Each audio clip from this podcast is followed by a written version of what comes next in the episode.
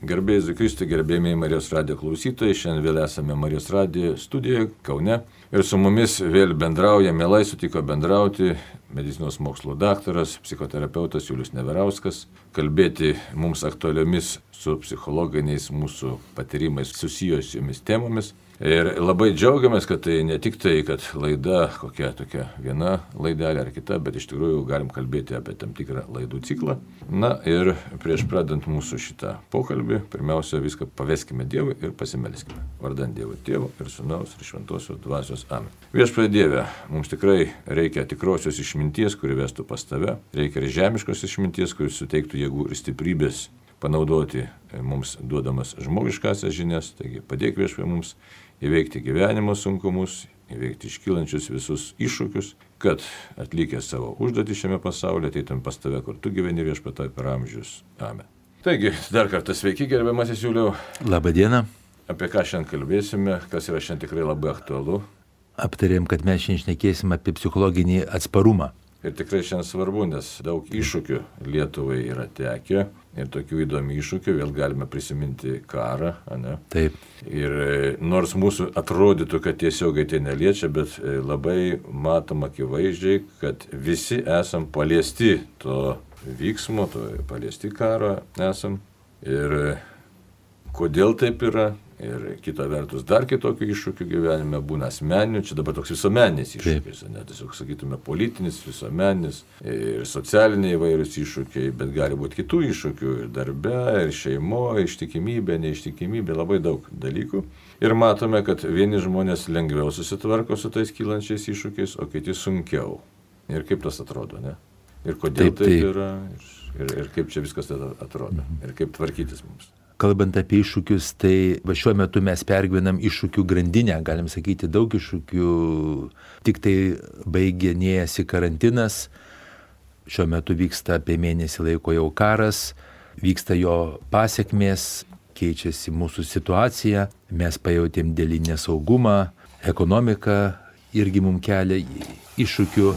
Taigi mes matome, kad mums reikia labai labai daug to, ką mes vadiname psichologiniu atsparumu. Tai kalbant apie psichologinį atsparumą, tai jis susideda iš trijų komponentų labai svarbių. Tai vienas komponentas yra mūsų gebėjimas atsilaikyti prieš likimo gyvenimo smūgius. Labai svarbus komponentas, bet kartais mus tie smūgiai vis tiek parmuša ant žemės, taip vaizdžiai sakant. Ir tada atsiranda antras komponentas yra atsistoti, kai mūsų gyvenimo smūgiai parmuša ant žemės. Ir trečias komponentas irgi labai labai svarbus ir šiuo metu tai eiti į priekį link savo vertybėmis gristų tikslų, net kai eiti labai sunku.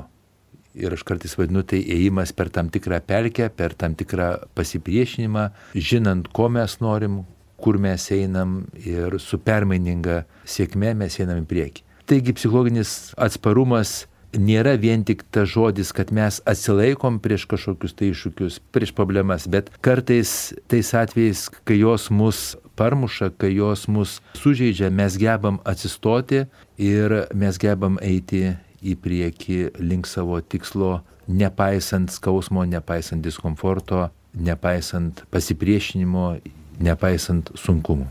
Taip, tai dabar pirmas dalykas, na, tiesiog mums galbūt būtų svarbu suprasti, kad na, vienaip ar kitaip mūsų gyvenimo įvykiai veikia. Ne? Ir kartais mes nustembame, kad jie veikia. Kartais galbūt savo iškeliam tokių net nerealių kažkokiu tai lūkesčių, kad štai vyks gyvenime įvairūs dalykai ir jie lik turėtų manęs neveikti. Čia vienas toks, sakytume, turbūt mąstymo klaida tokia. Taip. taip. Ar galėtume kažką apie ją pasakyti?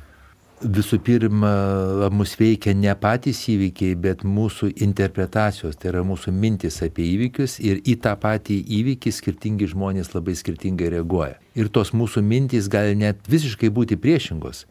Nes tas pats įvykis gali vienam žmogui būti problema ir tas pats įvykis kitam žmogui būti galimybė. Net tam pačiam žmogui tas pats įvykis vienu metu, kai jis jaučiasi blogiau, jam gali būti problema ir kai jis jaučiasi geriau, tai jam gali būti galimybė. Tai mes turim priimti tokią aksiomą labai aiškiai, kad mūsų reagavimą į gyvenimo įvykius lemia ne tiek patys įvykiai, kiek mūsų mintis. O mūsų mintis jos priklauso nuo mūsų būsenos, nuo mūsų biologinės būsenos, nuo mūsų psichologinės būsenos, nuo mūsų įsitikinimų, nuo daug labai faktorių ir ta mūsų būsena keičiasi ir mūsų reakcijos į tą patį įvykį irgi gali keistis. Tai labai daug čia tokių tikrai sudėtinių dalykų, kalbant apie psichologinį atsparumą ir mes turbūt ne vienas nežinom to savo psichologinio atsparumo ribų. Tai aš tiesiog, nu, su kuo susidurėm kartais, sakysime, matai, kad vienas žmogus į tą pačią situaciją reaguoja vienaip, o tu reaguoji kitaip. Ir kartais kaip būna, ir tada galvoju, kad štai aš mažiau vertingas, kažkaip susijaudinau, kažkaip tai ten net sugebėjau ramiau sureaguoti. Na ir kaip reikėtų primti pirmiausia tą, na, tą mūsų tokį ir, ir atsparumą, ir neatsparumą. Ar čia yra kažkoks tai, na, toks dydis pastovus, Ar čia reiktų šiaip taip, nu, tiesiog kategoriškai, bet jūs mėgstat, aišku, psichoterapijoje sakyti, katastrofizuota ar nekatastrofizuota šitą mūsų tiesiog savęs pirmiausia, tokį savo reakciją stebint. Mm. Ir paskui galėtume pakalbėti jau, kaip iš vis dėstosi viskas. Visų pirma, tai jeigu mes norim būti psichologiškai atsparus, mes turim pripažinti savo žmogiškai netobulumą. Jokio žmogaus pasaulyje ir žemėje nėra tobulo, ir mes turim pripažinti. Nes jeigu mes, mes ieškom tobulumo, jeigu mes jo norim, tai iš karto mes tampam labai labai pažeidžiami. Ir čia žmonės šito nesupranta, jie mano, kad yra priešingai, kad jeigu jie labai sieks būti labai stiprus ir tobuli ir patys geriausi ir taip toliau, jie bus nepažeidžiami. Priešingai, šitas siekis pats jau rodo mūsų pažeidžiamumą, nes jis yra nerealus. Tai yra absoliučiai neįmanoma. Tai jeigu mes priimam savo žmogiškai netobulumą, priimam savo ribas, bet kartu mes priimam, kad mūsų žmogiškoji savivertė visą laiką yra ta pati, nepriklauso nuo to, kaip mums sekasi, mes visi kaip žmonės esame vienodai vertingi jeigu norite Dievo vaikai, visi vienodai vertingi. Ar mums sekės šiandien, ar mums nesisekė, ar mes pasiekėm savo tikslą, ar nepasiekėm, ar susirgom, ar pasveikom, ar mus kas nors parodė dėmesį, ar mums neparodė, net ar mus kažkas myli, ar mūsų kažkas nemyli, mes vis tiek esam visi kaip žmonės vienodai vertingi. Ir tai yra toks, sakyčiau, du tokie aksijomos, du principai, kurių mes turim laikyti. Tai mes savo bazėje esam visi vienodai vertingi ir visi vienodai netobuli. Ir tada jau galime mes priimti, kad mums gali kažkaip tai sektis, gali nesisekti, mes galim patikti kažkokiam tai žmogui, mes galim nepatikti, bet tai turėtų nesumažinti mūsų vertės. Tai mes čia susidurėm su tam tikra laisvė, sakytume, savoką, nes matai, čia labai nėra, nežinau kaip dabar ar visiems taip yra, bet, nu, turbūt nemažai dalį Lietuvo žmonių. Tai labai svarbus tas toks, na, kategorinis vertinimas kitų šalia esančių, kad būčiau sėkmingas ir žiūrėkit, dažnai net žmogus sako, aš neturiu teisės susirgti, aš turiu tarsi būti toks nepažeidžiamas man neturi nieko blogo atsitikti, aš neturiu jausti jokių blogų pojūčių, aš neturiu jausti jokių blogų savijautos ar blogų dalykų. Ir žmogus, kaip jau minėt, savėtas tarsi įrėmina, net tai tam tikras kažkoks savotiškas mąstymas. Mūsų daugeliu turbūt įdėktas, kad tu turi tik tai būti visą laiką paženklęs sėkmės ženklų. Ir jeigu nors kiek tos nesėkmės, tai tada kas atsitinka? Jeigu šitaip masto žmogus, jisai paneigia pačią žmogiškąją prigimtį. Tai aš manau, kad jums dar geriau žinoti apie tai, kad mes negalim šitaip mąstyti, nes tai yra netiesa, nes mes esam netobuli žmonės.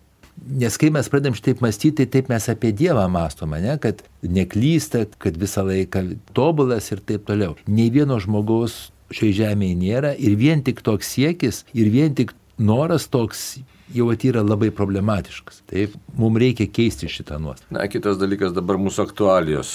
Iš tikrųjų susidurėm labai daug žmonių, net ir, ir vyrų, ir moterų, ir įvairiaus amžiaus, net aš net ir nustembu, bet iš tikrųjų jaunų žmonių. Iš karą labai, nu, sakau, nustembu. Tiesiog gal reiktų sakyti, konstatuojame, ne, kad net ir jauni, kodėl žmonės taip man atrodo, nes, na, kas vyresni, tai tie matė okupaciją, kažkokią tai vienokią tarybinę okupaciją, ten išgyveno tą smurtą, melo pasaulį. Jauni žmonės, kurie gimė laisvoje Lietuvoje, jie kaip ir lik ir nematė, neturi tos patirties. Ir vis dėlto karo tas vyksmas Ukrainoje labai stipriai paveikė labai nu, plačius mūsų visuomenės sluoksnius. Ir galėtume kalbėti apie kažkokį tokį, net sakyčiau, nu, net nesąmonės lygmenį, bet kažkur turbūt, nežinau, visą Taip. asmenybę apimantį tokį nerimą, su kuriuo susidorėti nėra paprasta ir, ir kuris tiesiog savo greunamąją dalį savo greunamai darbą atlieka mūsų psichikoje. Tai iš kur tas kyla reiktų net klausti. Jeigu įmanoma, aišku, būtų bent kažkiek pamatyti ir kaip su tuo tvarkytis reiktų, nes čia yra dalis mūsų to irgi psichologinio atsparumo, juk iš tikrųjų.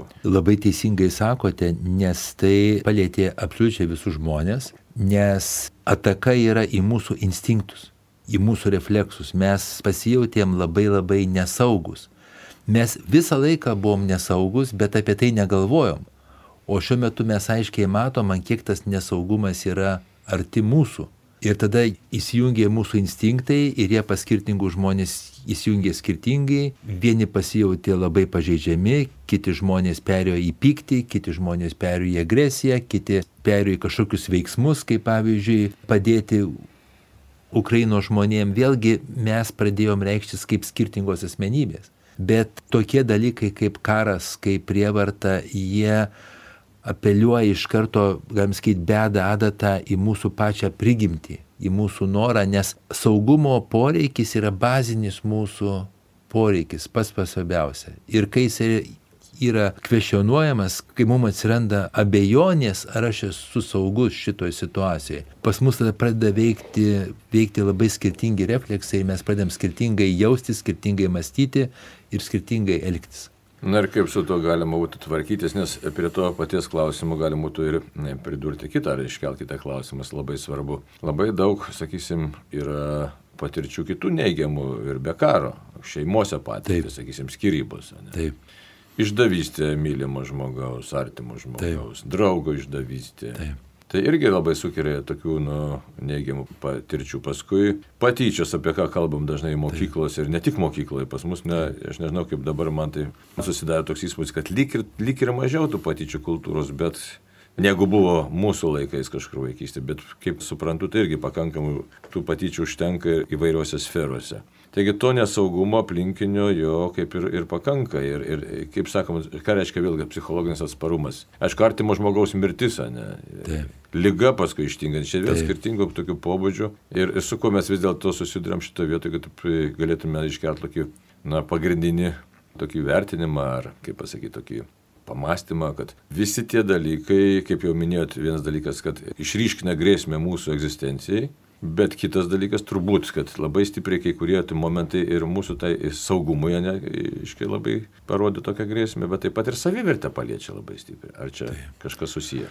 Tai būtent nepagėdaujami įvykiai, jie aktyvuoja mūsų būsnės, kur mums labai prireikia psichologinio atsparumo. Tai jeigu mes norim būti atsparus ir norim tvarkyti su tais įvykiais, tai pirmas žingsnis mūsų turėtų būti išreikštas ketinimas, kad aš noriu kad įvykiai, kad ir kokie jie bebūtų, jie nepažeistų mano esmės, mano pačių pačių svarbiausių dalykų. Tai tie patys svarbiausi dalykai yra, kad aš esu netobulas žmogus, bet aš esu labai vertingas kaip žmogiškoji būtybė. Tai yra pats, pats, pats toks svarbiausias dalykas. Ir paskui keturi psichologinio atsparumo komponentai. Tai mūsų biologinis atsparumas, fizinis ir jeigu mes patiriam visokius įvykius, iššūkius, problemas, mes turim atsigręžti į savo kūną, į savo kūno stiprinimą ir tai yra labai svarbu.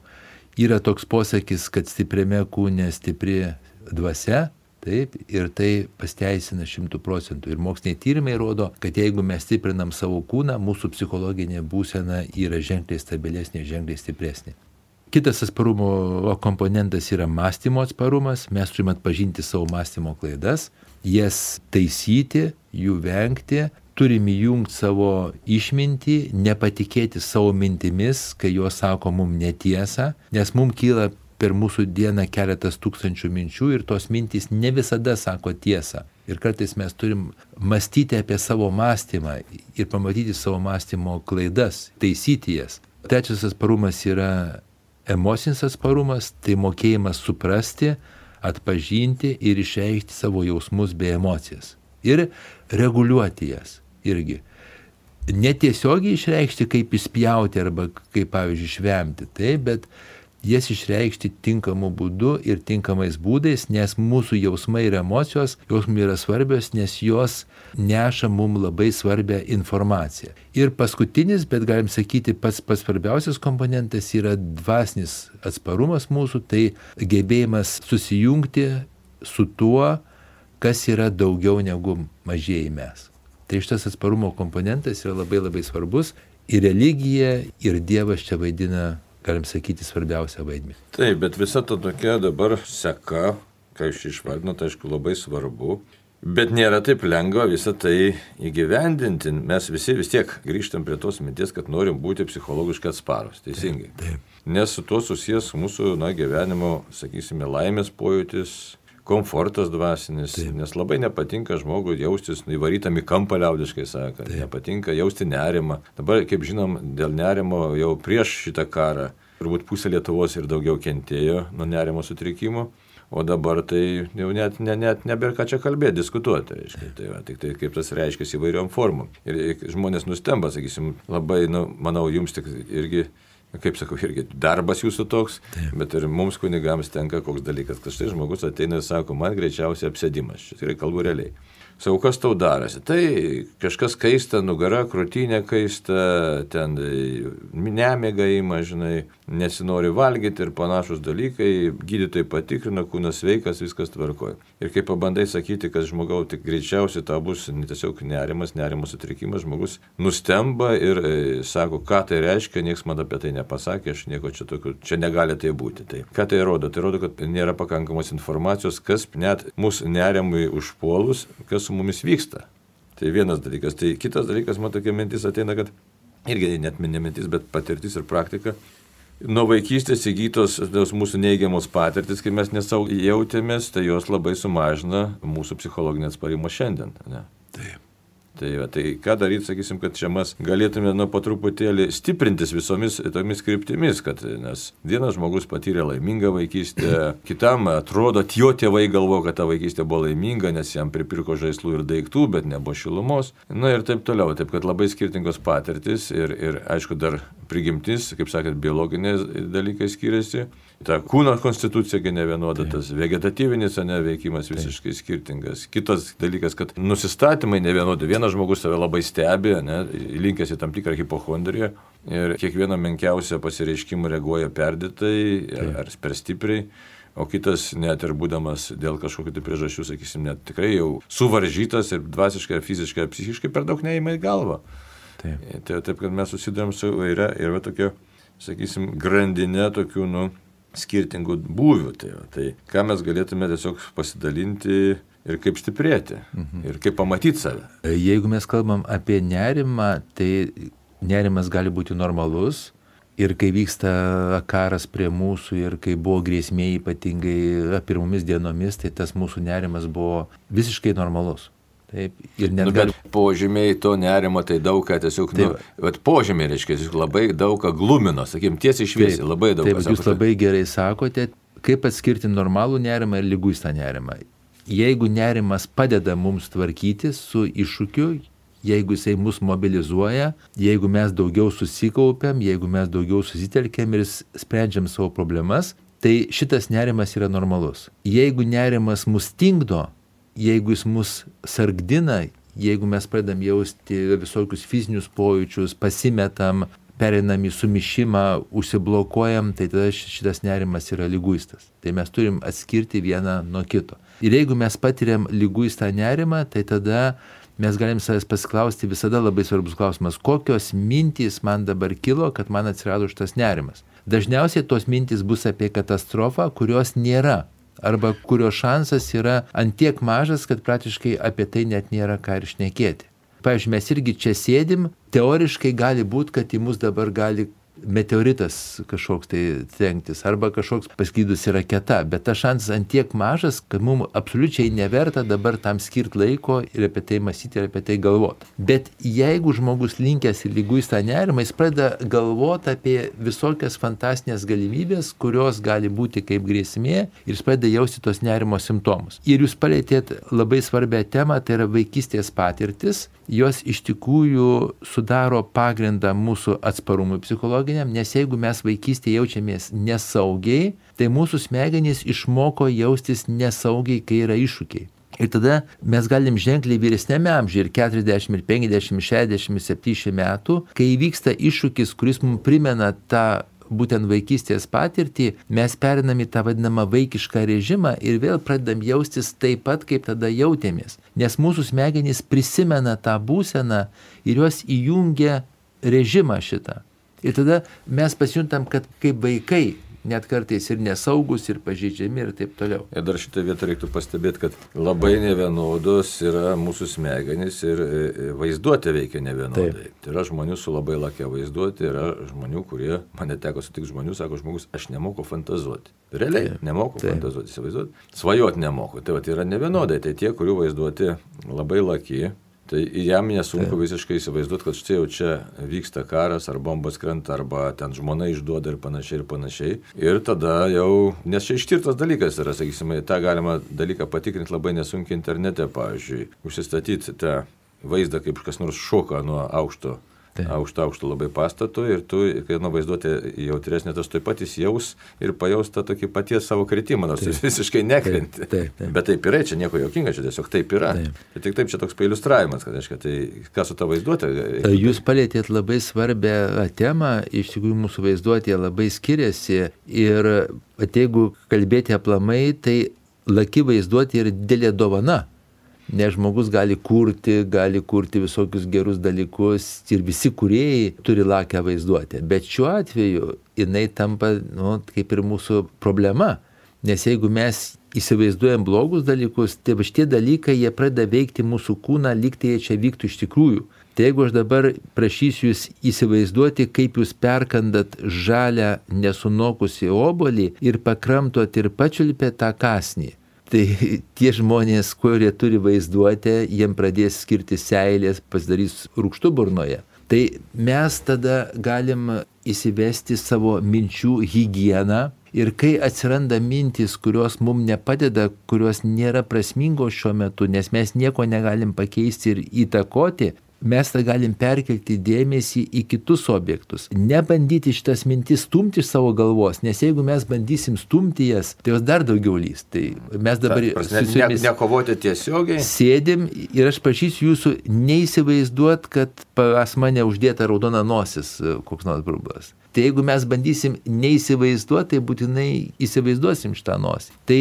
mes tiesiog leidžiam to mintim būti ir perkeliam savo dėmesį į kažkokį tai kitą mums daug, daug svarbesnį objektą. Tai tiek, kad būna toks lūkestis, kada aš geriau pasijausiu, reiškia, kada aš jau grįšiu į tą savo psichologinę normalią būseną ir man atrodo, čia irgi toks yra toks parazitinis dalykas, nes aš žiūriu, nu, mes palėtėm tos, kaip iš jūsų minėtos punktus, ne biologija. Biologijos mes taip paprastai turbūt savo nepakeisim. Ne? Fizinis krūvis keičia biologiją. Taip. Va. Fizinis krūvis. Taip, bet čia reikia pastoviai tą daryti. Taip, ne? pastoviai daryti, tave stiprinti, kūno tas stiprinimas. Na dabar palėtėm mąstymo tą atsparumą, tai mąstymo atsparumas, kaip jį galima būtų tiesiog. Analizuoti savo mąstymą.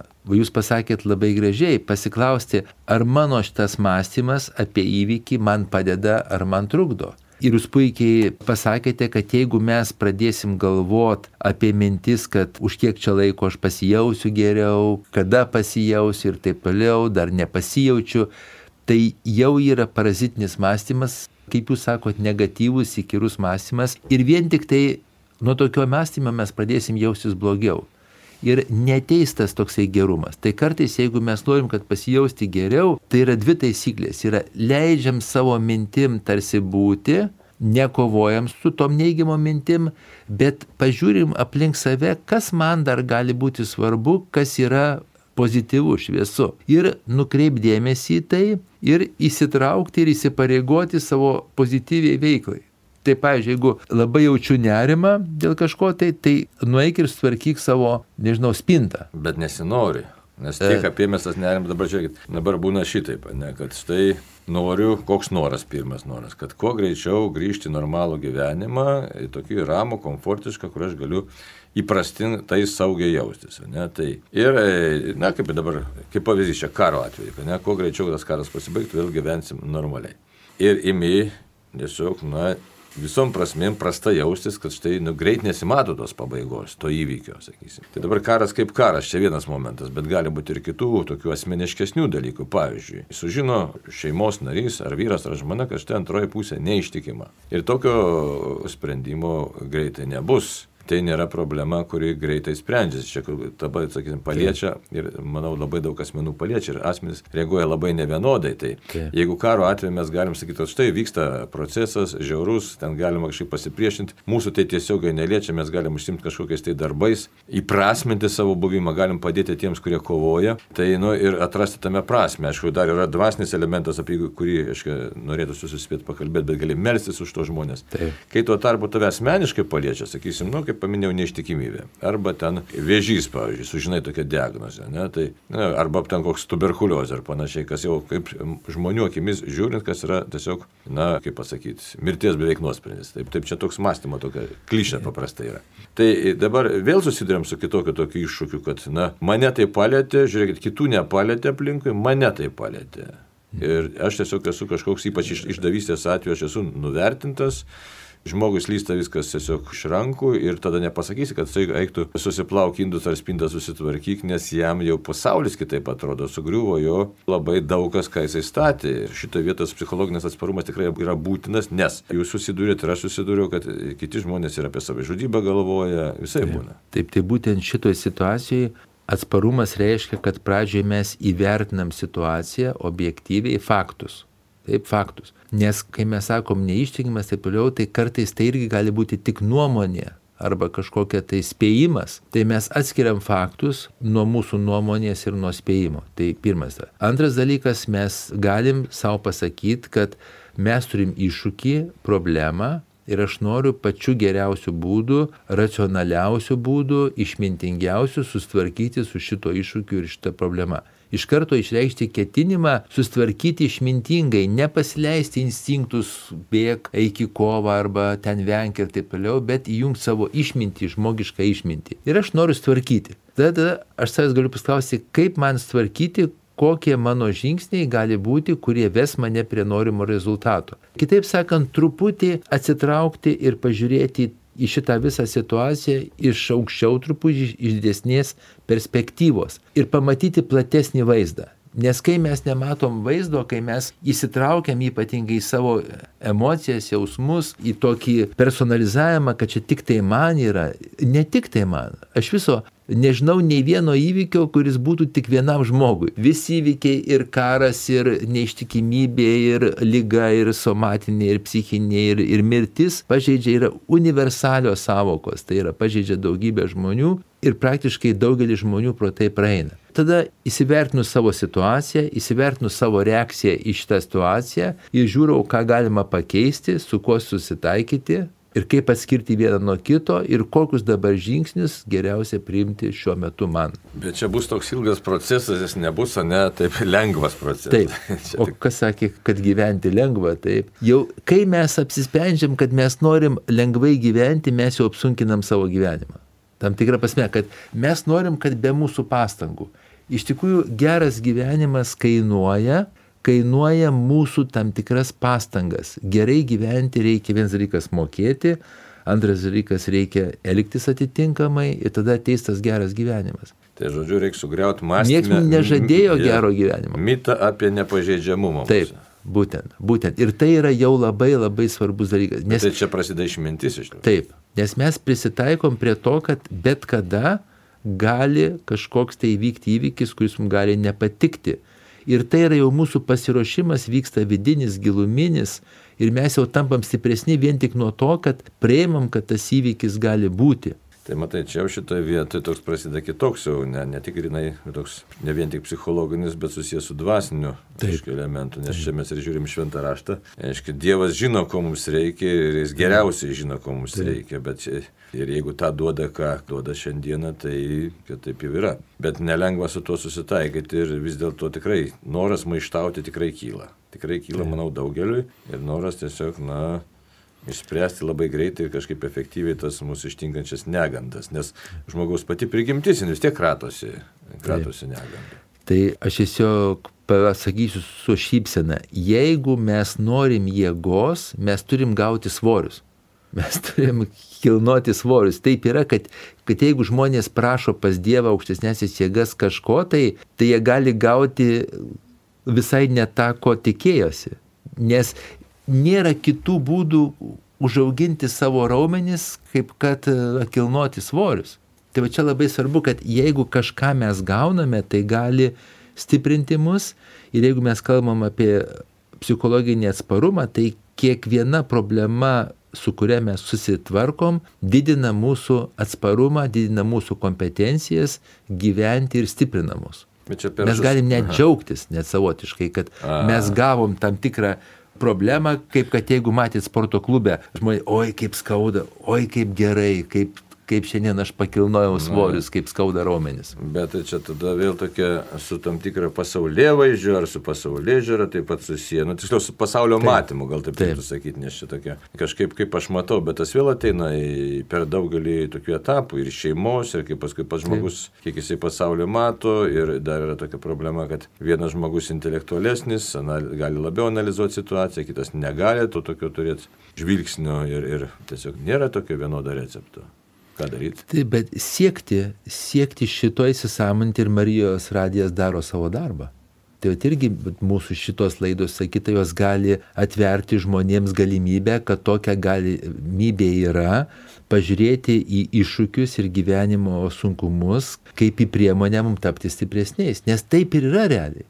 Taip yra, nes jeigu mes atimsim iš žmogaus iššūkius, atimsim problemas, jis taps labai silpnas ir labai pažeidžiamas. Labai. Bet čia mes girdėm tą frazę populiarią tokią, ne, sunkus laikai gimdo Taip. stipri žmonės, stiprus žmonės sukuria silpnus, reiškia, palikonis ir, ir tada prasideda vėl Taip. silpni, kaip ten žmonės, silpni laikai ir paskui taip. taip tas ciklas vyksta. Gerai, o dabar dar apie tą emocinį atsparumą. Nu, emocinis atsparumas, kas čia per dalykas, kad jisai, nu, mhm. jis turbūt labiausiai varginantis mūsų, mhm. tiksliau, neatsparumas emocinis. Taip, taip būtent, kai mus apima jausmai ir emocijos ir mes net pažįstam jų ir mes pasiduodam jiems, tai lyg tai mus neša kažkokia srovė ir neaišku, į kur neša.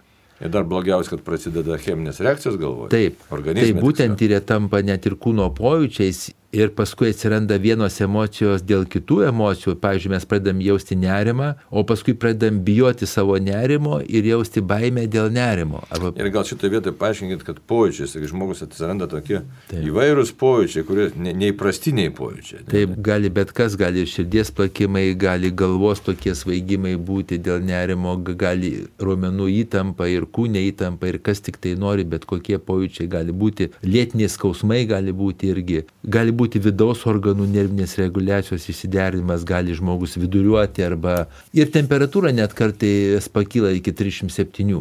Irgi taip gali būti. Nu. Ir gali būti vienintelė priežastis, va ta būtent psichologinė būsena žmogaus. Ir žmogus gali apeiti visus gydytojus, magnetinį rezonansą taip, ir taip toliau. Taip, taip. Tai va jeigu, jeigu visi tyrimai rodo, kad organinių pokyčių nėra, kurie gali paaiškinti būtent mūsų simptomus, tada reikia atsipalaiduoti šitą prasme ir kreiptis į psichinės veikatos specialistus ir jie tvarko šitą dalyką. Bet netai paprasta. Taip, už tai, kad reikia keisti mūsų mąstymą, reikia, kai mes keičiam mūsų mąstymą, mūsų emocijos keičiasi, bet pradžioje jas reikia atpažinti, pripažinti. Aš, pavyzdžiui, kad žmonės sako, nepykstu, aš nepykstu, čia tu pyksti, kai duosiu tau, čia tu pyksti. čia tu pyksti. Tai, tai aiškiai pasakyti, taip, aš pykstu taip aš pykstu ir mes kalbėjom praeitą bet, kartą. Šitoje apie... vietoje, kas ir aš pykstu, bet aš aišku negaliu prisipažinti, nes aš tapsiu netobulas, jeigu aš netobulas, tai aš aišku aš negeras, jeigu aš tai negeras, aš atmestas, tada aš esu pažeidžiamas ir prasideda. Aišku, tai vėl, tai vėl pati taip... bazė dalykai, grįžkim prie pirmo punkto, mes visi žmonės netobulė ir visi vienodai vertingi. Tai va čia yra, aš nenoriu, reikėtų užsirašyti visiems ir pasidėti. Čia reiktų priminti, reiškia, iš tikrųjų pradžios knygos pirmas skyrius 26 eilutė, Dievas sukūrė žmogų pagal savo paveikslą ir panašumą, vyrą ir moterį sukūrė. Tai čia. Bet netai paprasta atsiminti, ypač kai emocijos suspaudžia, aš tai labai norėtųsi dar apie tą emocinį, reiškia, mūsų tą reakcijas, nes, matai, emocijos, jeigu žiūrėt dvasinį, tai paskui prie, prie dvasinio sparumo kalbėti, tai susiję tiesiogiai su aistromu. Pavyzdžiui, piktis yra aistras, tai didžiulė aistra, ten įsiutis, ne, ten, nu, ne taip. tik, nes mes kartais pasakome aistra, tai žmonės būtinai įsivaizduoja tik tai seksualinė aistra. Ne, ne, taip nėra. Bet kokia. Tai va, tai tas pasaulio matymas vis dėlto yra labai svarbus, bet įdomu, kiek santykiauja tas pasaulio matymas, tas dvasinis pasaulis su mūsų būtent su emociniam reakcijom. Nes Jeigu matot, žmogus- atsiprašau, dar noriu tokią klaidą, nes man atrodo, mums labai didelė tokia vadinama žurnalinė psichologija turbūt padarė didžiulę klaidą visuomenės. Įteigia, kad štai kažkur tai jogai gyvena, jie labai ramus, ramus, ramus, kažkur būdos ten labai ramus, nieko nekreipia, jie sukuria tokį mitą, reiškia. Apie šventosius mums sukūrė mitą irgi katalikų, ten krikščionių šventosius, kad jie vėl kažkokie nenormalūs žmonės, reiškia kažkokie. O iš tikrųjų tai normalūs žmonės, kurie ieško iš tikrųjų santykio su Dievu ir tame. Ir tai vyksta visą gyvenimą, didžiulė kova vyksta su savimi pačiu, su savo aistrom ir su savo pasaulio naujų pamatymų. reiškia. Tai aš jau nepradėjau kalbėti apie Dievo malonę, bet kol kas kalbam tam horizontaliam žmogiškam lygmenį. Pati didžiausia klaida yra manyti, kad atsiribojimas nuo savo jausmų padeda. Taip, jisai nepadeda, priešingai, jisai mus sargdina, tai mūsų jausmų įsisamonimas, supratimas, pripažinimas, leidimas savo juos jausti ir pats pats toksai funkcionaliausias išreiškimas savo jausmo mums padeda.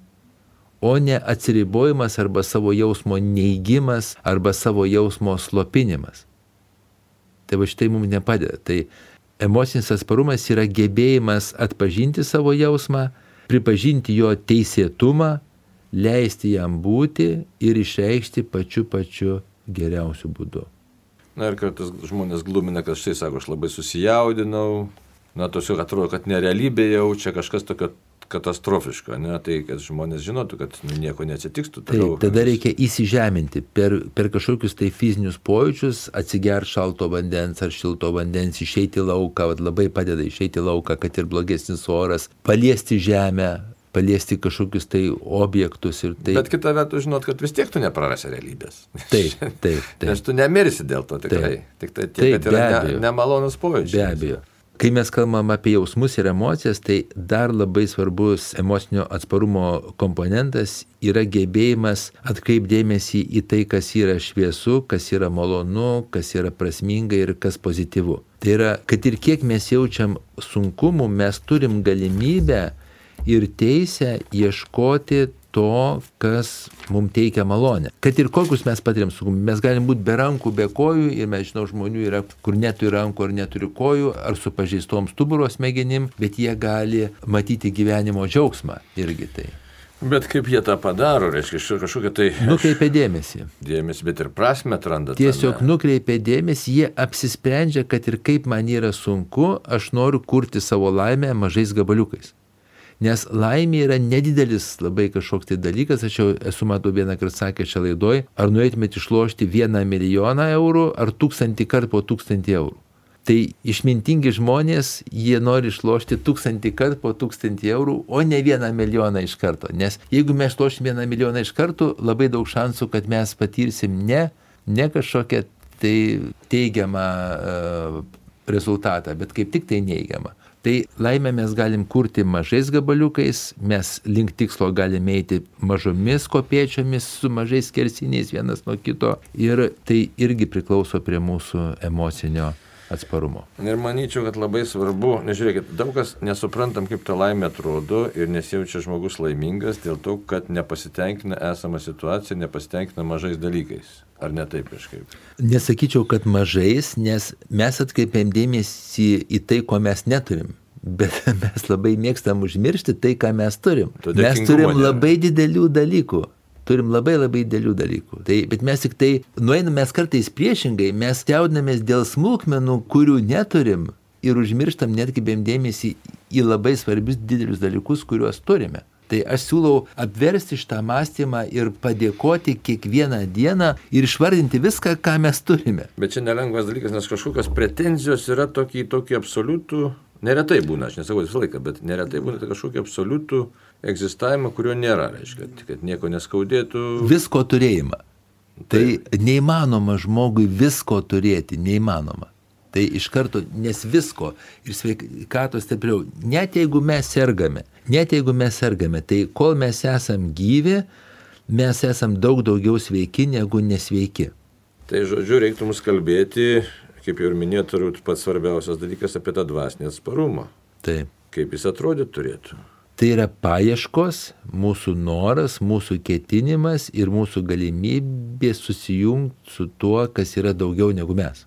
Ir visų pirma, tai yra Dievas, bet galime mes atkreipdėmėsi ir į gamtą, ir į meną, ir į kitus mums labai svarbius dalykus, į bendruomenę, visuomenę ir taip toliau. Tai yra kažkas daugiau negu mes, nes kai mes pradedam gyventi savo mažam pasaulėlyje, tai tada iš tikrųjų mums sunku labai įsiveršti iš savo kažkokių tai mažų problemų. Bet kai mes, dabar mes matom, vėl galim grįžti prie to karo, kai prasidėjo karas, mažos problemos išnyko dažnai. Tai, tai tas mokėjimas susijungti su tuo, kas yra didinga, kas yra labai svarbu, mums leidžia geriau gyventi čia. Bet įdomi su tuo karu. Man iš vienos pusės tragedija baisu, iš kitos pusės išryškina esminius dalykus ir tu supranti, kiek daug yra beprasmių dalykų ir tada tas prasmės pojūtis, na, iš tiesiog, kaip jau minėjote, jis kreipia į Dievą, į patį esminį dalyką. Bet dar kitas pavojus yra, žmogus ilgainiui ima, ima apsiprasti ir vėl sugrįžta į tą savo tokį būtinį lygmenį ir vėl save graužia, kad štai aš esu nelaimingas. Tad vėlgi, kaip čia reikėtų, kad na, tiesiog vis gaivinti ir gaivinti ir gaivinti supratimą, kad jeigu aš noriu būti psichologiškai atsparus, tai aš turiu ieškoti tų pačių esminių dalykų kažkaip taip. Taip, bet būtent aš jau minėjau, kad geras gyvenimas yra mums dovana, kurios mes nusipelnome dėdami pastangas neteina geras gyvenimas, prasmingas gyvenimas taip savo, mes turim nuolat atsigręžti į jį ir nuolat, kai patiriam kažkokius iššūkius, truputį atsitraukti nuo to savo kasdienybės mažos ir pasigalvoti, o kas čia yra didingesnio, kas čia yra pas mane gero, ką aš turiu, į ką aš galiu nukreipti dėmesį. Sakyčiau, kad turbūt laikas ir baigėsi ir būtų labai, na, tiesiog užfiksuoti reiktų mums patiems ir labai ačiū gerbiamam Juliui Neverauskui. Tikrai visiems reiktų užfiksuoti, aš savo pačiam sakau, kad tikrai žvelgti tai, kas yra didinga ir daryti savo kasdienius darbus ir ne tik kasdienius, bet dėsti pastangų, kad, na, taptume to, ko galim tapti, ne? Ir tada aukštas psichologinis atsparumas. Gyventi savo patį patį geriausią gyvenimą, būnant netobulais, žinant labai aiškiai savo savirtę ir nuolat mokantis gyventi. Kiekvieną iššūkį, kiekvieną problemą priimti kaip pamoką. Tas labai svarbu. Taigi, pagal dvasios rašytojų, pagal šventų rašto mintį, Dievas žino, ką mums duoda, bet ko mums reikia. Iš tikrųjų, neužsiminėm apie vieną dalyką, kad nuolankios širdies. Ne? Ir pasitikėjimo. Nuolankios širdies. Aš sakyčiau, pasitikėjimo, pasitikėjimo labai svarbu. Taip, taip. Taigi ačiū gerbamas Juliu. Ačiū Jums. Nu ir tą kartą sudė. Sudė visiems.